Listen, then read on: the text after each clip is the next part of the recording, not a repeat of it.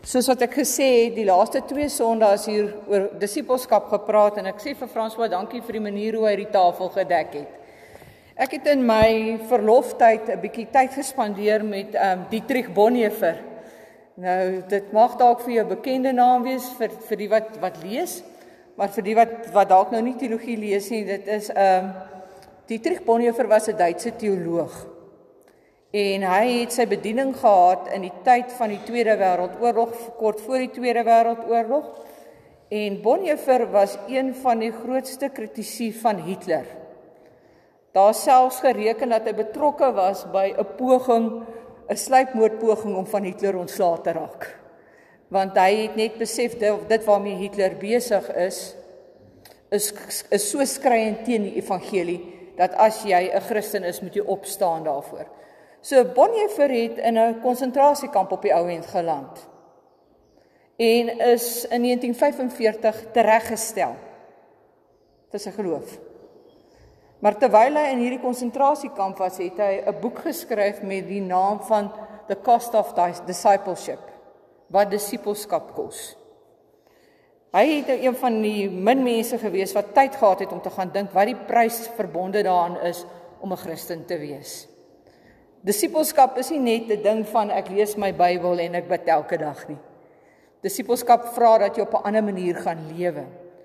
En hy het die prys voluit betaal. Die interessantste wat hulle vertel van Bonhoeffer is die aand voordat hulle tereggestel is, was hy en so 11 ander saam met hom in die sel gewees.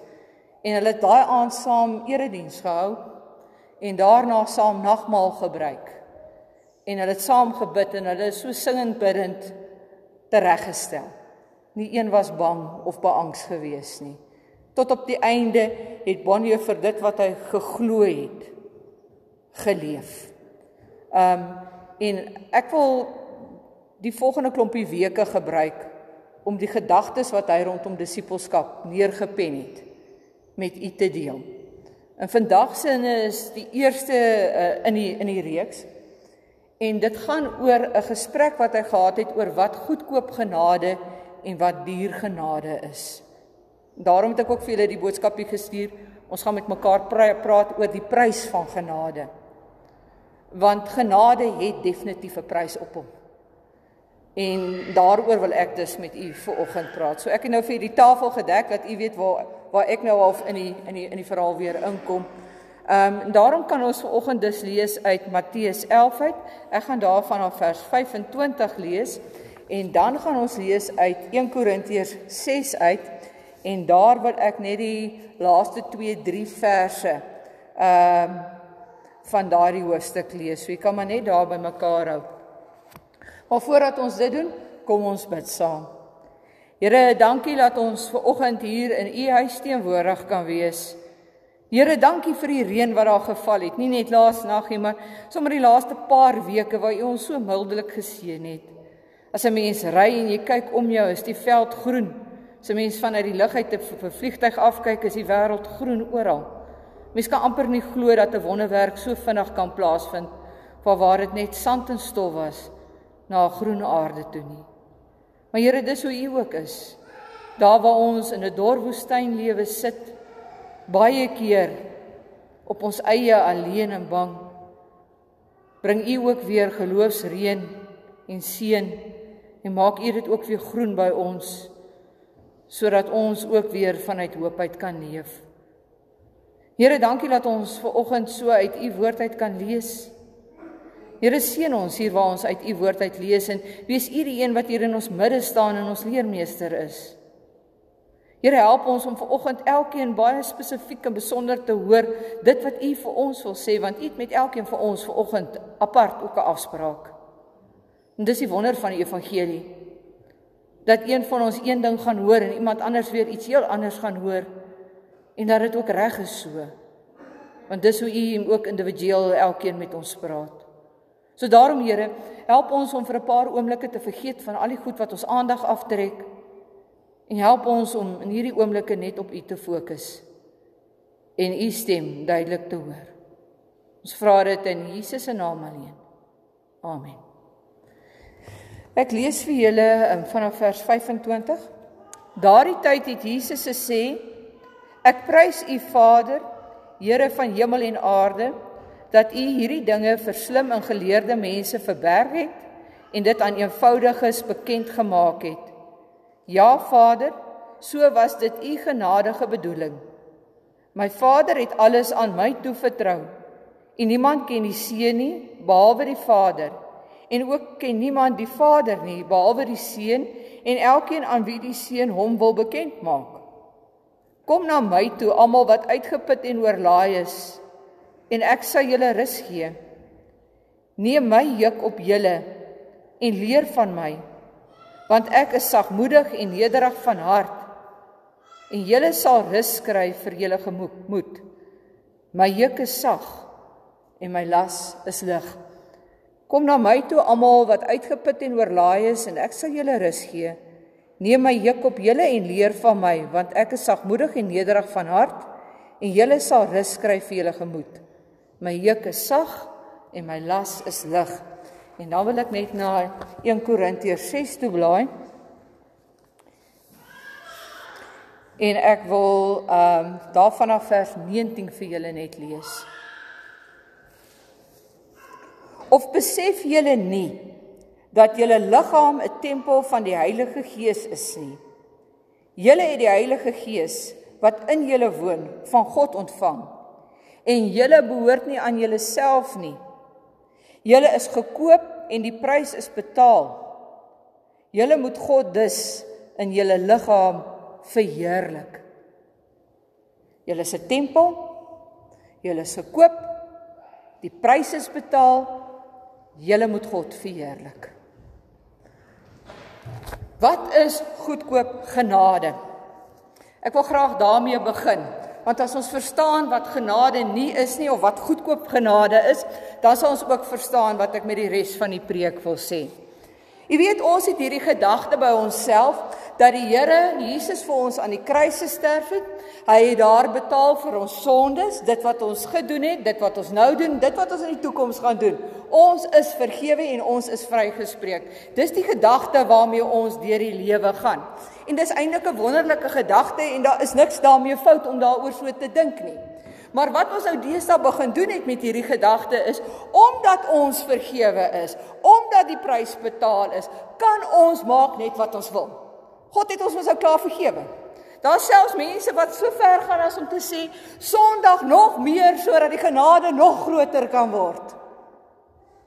So hoe groter sondaar ek kan wees en hoe meer ek kan doen wat verkeerd is, hoe meer sal God se genade in my lewe toeneem en hoe meer sal God my vergewe. En dis 'n goedkoop manier om te kyk na genade. Die feit dat God my begenadig het en die feit dat God my sonde vergewe het, het nie vir my 'n lisensie gegee om te kan doen wat ek wil nie. Sommige in my eie persoonlike lewe nie.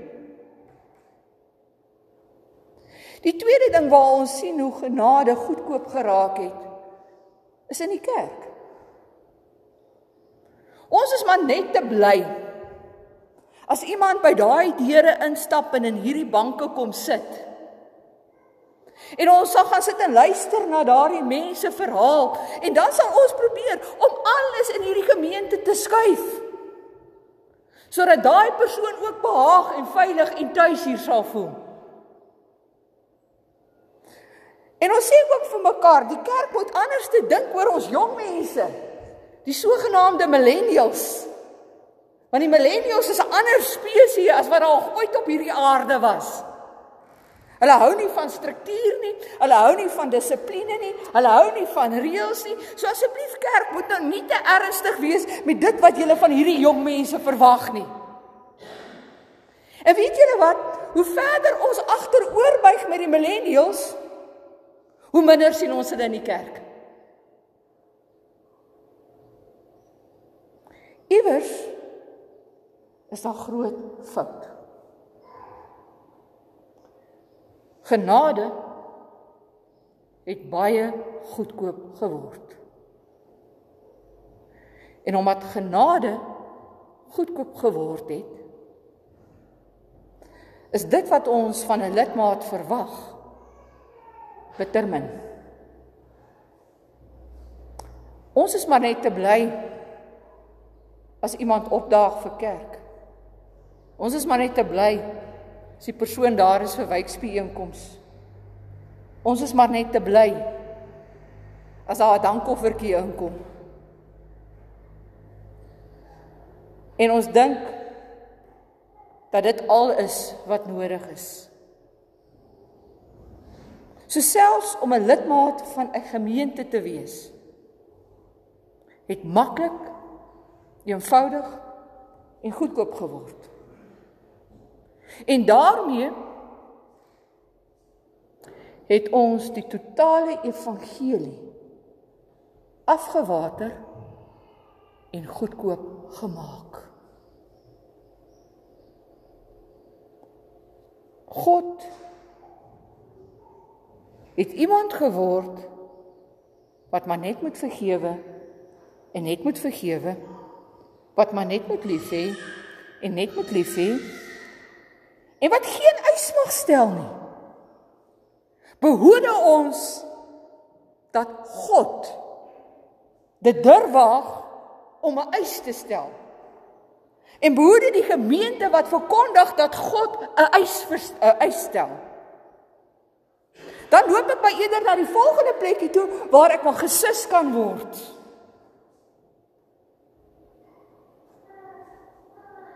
En dit is waar ons die bal mislaan.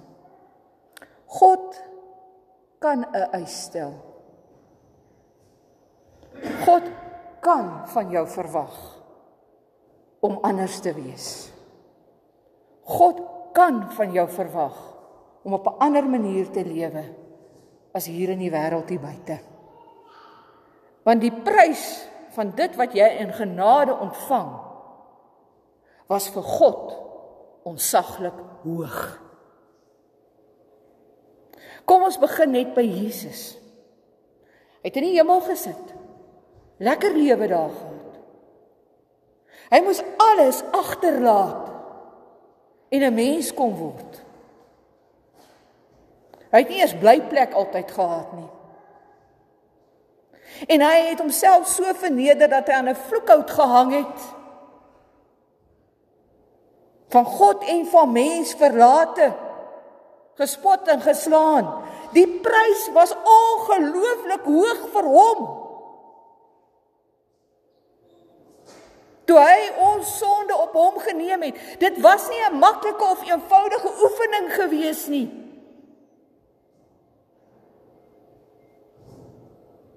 En daarom moet ons uiters versigtig wees hoe ons met genade werk en dink ek kan maar net Sondag en doen wat ek wil soos ek wil wanneer ek wil. Want ek is besig om te mors met die prys wat die Here Jesus Christus betaal het op die kruis. Genade was nie vir hom goedkoop nie. Genade het sy lewe gekos. Dis hoe duur dit was ter wille van ons. Die tweede ding wat ons moet onthou waarom God meer kan eis. Is hy het nie nodig gehad om ons te red nie, julle. Hy kon ons maar gelos het. Maar sy liefde vir ons is juis daarin dat hy bekommerd is oor ons toekoms, dat hy bekommerd is oor ons siele dat hy sy seun gee. En omdat hy sy seun gegee het, kan die pa sê, ek het ook 'n prys betaal. Ek moes my rug op my seun draai op daai oomblik toe hy aan die kruis gehang het. Dit het vir my ook gekos. Redding het 'n duur prys op hom gehad. Daardie genade het 'n duur prys op hom gehad.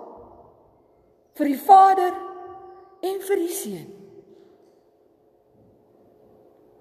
En as jy iets verstaan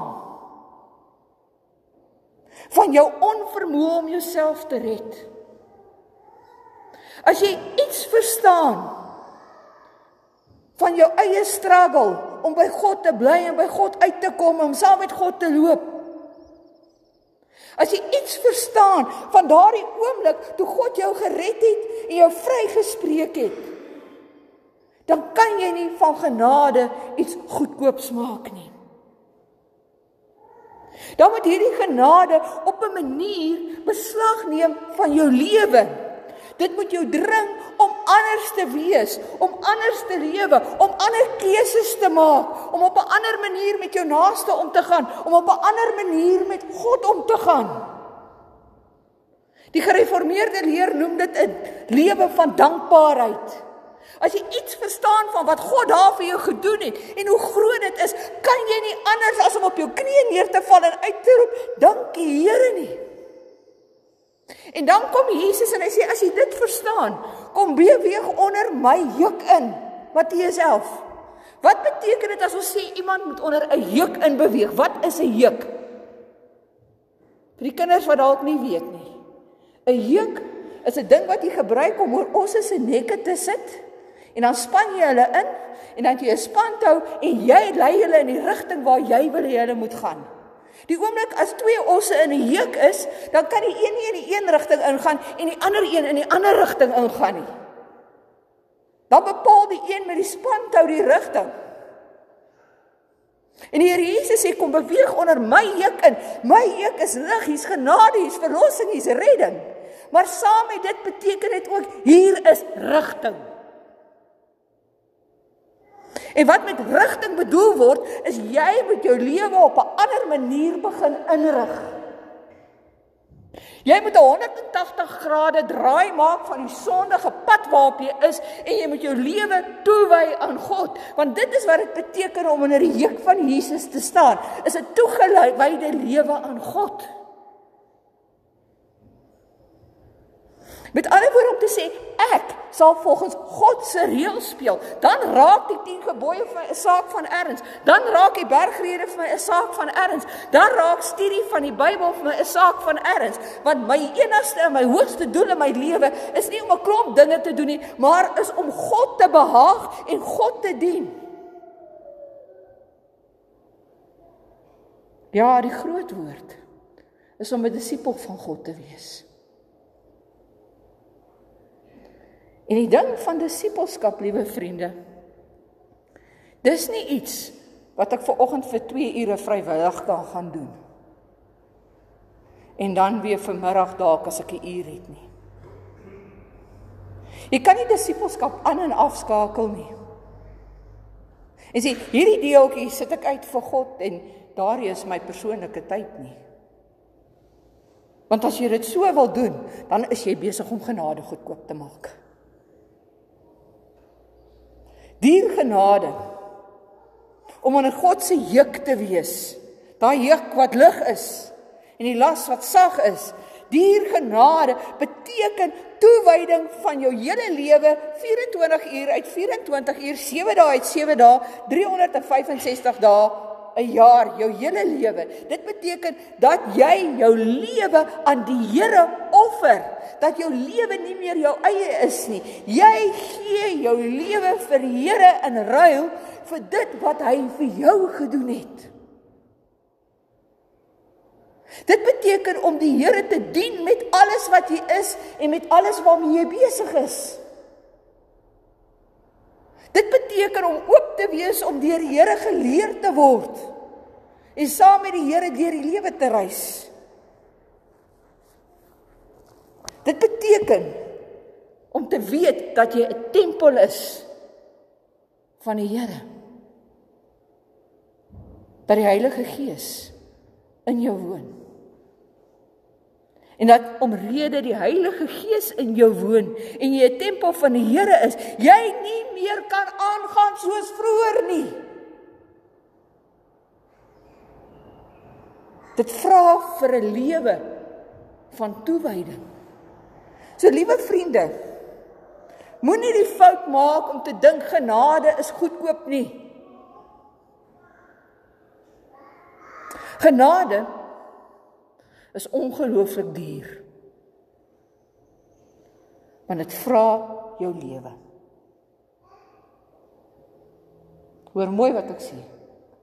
Genade vra jou lewe. As jy besef dat jy deur die Here begenadig is, dan lewe jy 'n lewe van dankbaarheid teenoor God. Dan is jy onder Jesus se juk. Jy's onder sy bestuur, jy's onder sy leiding. Jou lewe behoort nie meer aan jou nie, maar aan God. En jou eerste prioriteit elke dag is om te vra, wat wil die Here hê moet ek doen? Hoe moet ek die Here vandag hier dien? Die man wat hierdie gedagtes neergeskryf het, Bonhoeffer het opgestaan en het gesê ek kan nie Mein Kampf onderskryf nie wat die nasies se Bybel was nie. Ek kan net die woord van die Here onderskryf. En hy het dit vir sy gemeente geleer. En hy het 'n ongelooflike duur prys daarvoor betaal. In Nazi konsentrasiekamp en 'n regstelling. Ek wonder baie keer hoeveel van ons werklik bereid is om vir die Here te sterf.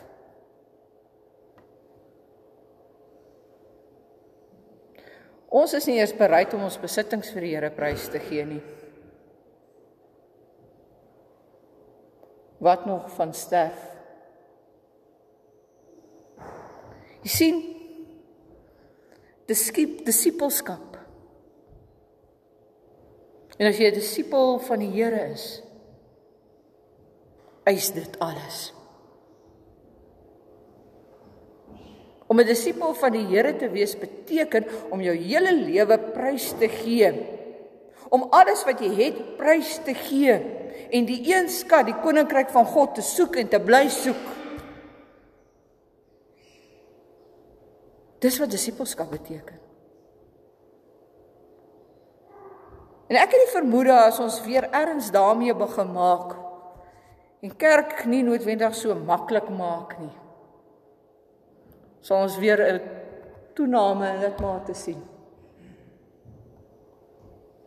Want jy sal sien hoe mense na vore kom wat sê ja, ek's bereid om op te staan vir die Here. En ek dink dis die uitdaging hierdie jaar. Dat ons mekaar konstant herinner daaraan dat ons disippels is van wie God alles eis. En dat ons fokus nie ons eie gemak is en wat sekere groepe maklik maak en waarvan ander groepe nie hou nie, maar dat ons fokus God bly. Dat ons onder Jesus se juk in beweeg en hom toelaat om ons terug en te lei. Wat ons ophou om genade goedkoop te maak, liewe vriende. Genade is nie goedkoop nie. Dit is vry. Dit is 'n vrye gawe. Maar agter daai vrye gawe sit 'n ongelooflike dierprys. Laat ons die Here volg. So sy disippels gedoen het. Met alles wat ons het. En met volle oorgawe. Amen. Kom ons bid saam. Here, dankie dat U die prys betaal het vir ons lewens. Here ons weet dit was duur. Ons weet dit u lewe gekos. Here vergewe ons. Waar ons genade goedkoop gemaak het. Waar ons dit afgewater het. Vergewe ons waar ons begin dink het ons kan maar maak net wat ons wil, Here. U moet maar net vergewe en vergewe en vergewe. Here help ons om ver oggend almal onder u juk in te beweeg. Help ons om as 'n een eenheid saam te werk, as 'n liggaam saam vir u te dien en vir u te werk in hierdie dorp en in hierdie omgewing en in hierdie gemeenskap, Here. Help ons om lewende disippels te wees. Wat verstaan? Ons gee onsself prys. Ons gee alles prys ter wille van u om u te volg en te dien. En gee ons ver oggend harte, Here, wat bereid is om dit te doen. Gaan saam met ons in hierdie week, Here. Hou ons styf vas. Daarom neem ek ook die vrymoedigheid, Here, om vanoggend te bid vir Rommel en vir Polani, vir al die ander name wat op die lys is, Here. Wees vir hulle ook in hierdie dae God van naby omgee sorg en liefde. En hou hulle ook styf vas. Ons vra dit in Jesus se naam alleen. Amen. Kom ons dien die Here met ons offer.